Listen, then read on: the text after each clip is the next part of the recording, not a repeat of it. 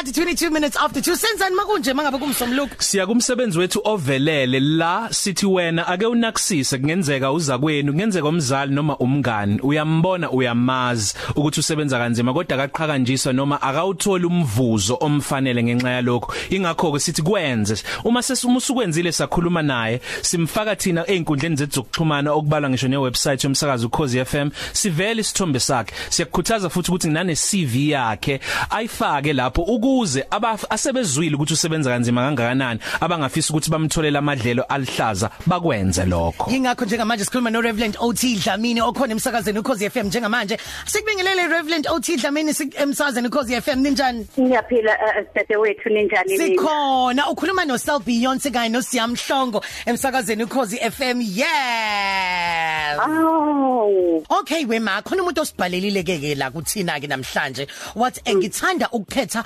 uReverend OT Dlamini njengomsebenzi ovelele. Ungowesifazane ozinikelayo emsebenzini wakhe webandla. Ungena emsebenzini wokuba ungene emsebenzini kahle kahle wokuba ngumfundisi eh ngesikhathi kungamkelekile ukuba khona kwabafundisi besifazane emabandleni. Akade kibalanga wafika wakhombisa okukhulu ukuzimisela emsebenzini wakhe. Kuyimanje nje use usengusekela bishop webandla. Lama Weseli isinodini yase Natal Coastal District. Oh my god!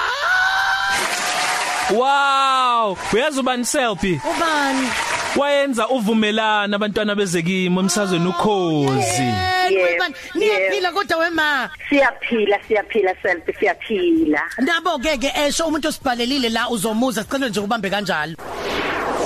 Igama lami nginguthuthukile Mkhize. Nginominator uma wami ukuthi abe iemployee of the week eh, umama uOT Dlamini ungumfundisi wasekweseli ngithanda indlela asiphethe ngayo ekhaya. Uyakusebenza wakhe webandla nathi siwumndeni wakhe. Uyasinakekela sithi isikhathi la esingakwazi ukumthola khona masimdinga. Ikakhulukazi futhi ade sanjelo ubaba ngenyanga edlule usiqhubeke kahle umcimbi wokubeka ubaba ngesikhulu sizotha. Ngakho ke nje ngiyamfisela ukuthi emsebenzini wakhe uNkulunkulu amphumelelise kukho konke. Ngiyabonga. Yes mawuzwileke uthuthukile kubiza nkosiyami esho ukuthi umsebenzi muhle. Mm mm mm. Ah masiyakhalalisela amazwi akho nje ungathini? Nkosi yami bengakulindele lokho ngoba ngiyazi ukuthi masisebenza asidingi ukubongwa. Mm. Siba nokuthi siyobongwa ngelinye ilanga. Mm. Yes, so njengomfundisi angazi ngacabanga ukuthi engikwenzayo ukugqamile emehlweni abantu. Yeah, ma sebenzela lo wamuntu. Yebo, undodakazi lo ndodakazi ngokwenyama noma ngokukamoya.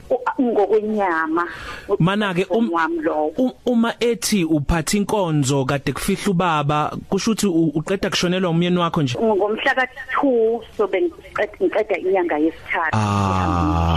Nkosiyama alwehlanga lingwehli. Kodwa uyazibona ukuthi uyingqalabutho yomuntu wesifazane. Angikaze ngikuzwe ukuthi owesifazane ngumfundisi kube uyena oshumayelayo nophethe inkonzo emncwabeni kamyeni wakhe. Konke lokho njalo kukhombisa ukuthi ave uvelele. Futhi nathi la emsazweni ukhozi siyawazi njalo amagalelo akho. Yeah. Siyabonga mawa kakhulu singathi ngaqhubeka njalo nje nomsebenzi wenkosi. Awu ngiyabonga ngiyathuthumela.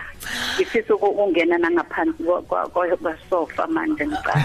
Yebo siyabonga kakhulu manje sale kahle benentamba emnandi. Ngiyabonga. Kanti ungathumela nawe ukuthi ngonya tsabc.co.za. Top 3 Cafe. Ilunch yakho ayifani neyizolo.